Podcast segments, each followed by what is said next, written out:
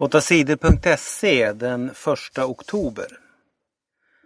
Statens kontor stängs i USA. Politikerna i USA bråkar om hur statens pengar ska användas. De två stora partierna i den amerikanska riksdagen är inte överens. Innan de är överens kan pengarna inte användas.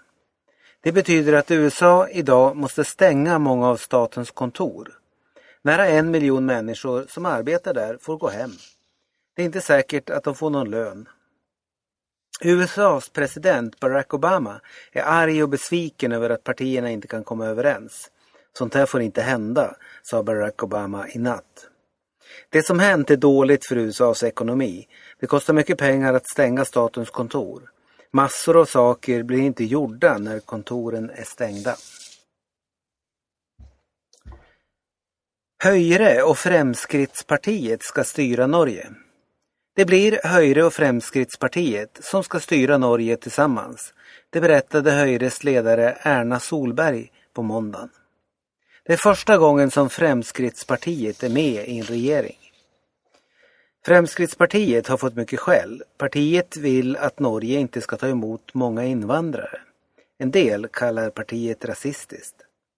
De två andra borgerliga partierna, Vänstre och Kristelig Folkeparti, vill inte vara med i regeringen. Men de partierna kommer ändå att samarbeta med regeringen.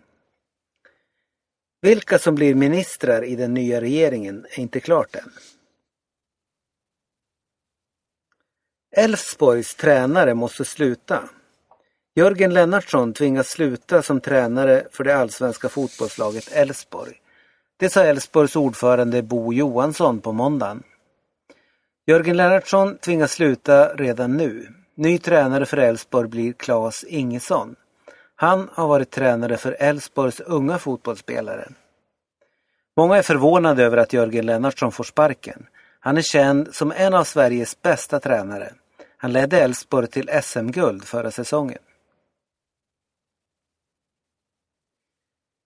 Tio flyktingar drunknade nära Italien. En båt med flyktingar var på väg mot Italien. Det fanns 250 människor i båten.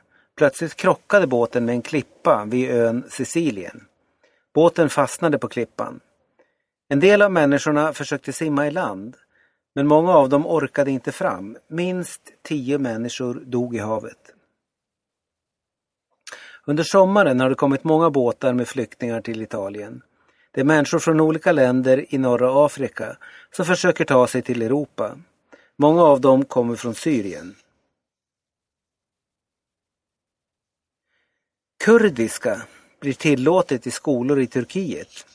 Nu kan kurdiska barn i landet Turkiet äntligen få prata sitt eget språk i skolan. Det ska bli tillåtet att undervisa på kurdiska i en del skolor i Turkiet. Det säger Turkiets ledare Recep Tayyip Erdogan. Han vill också ge kurdernas politiska partier en bättre chans att komma in i landets riksdag. Idag måste ett parti få 10 procent av rösterna för att få komma in i riksdagen. Erdogan vill sänka gränsen till 5 procent. Fler än 50 dödade av bomber i Irak. Måndagen blev en blodig dag i landet Irak. Minst 14 bomber sprängdes i huvudstaden Bagdad. Fler än 50 människor dödades och många skadades. Bomberna låg gömda i parkerade bilar. De flesta av dem sprängdes i Sadr City, där det bor många shia-muslimer. Det har varit väldigt mycket bråk mellan shia-muslimer och sunnimuslimer i Irak de senaste månaderna.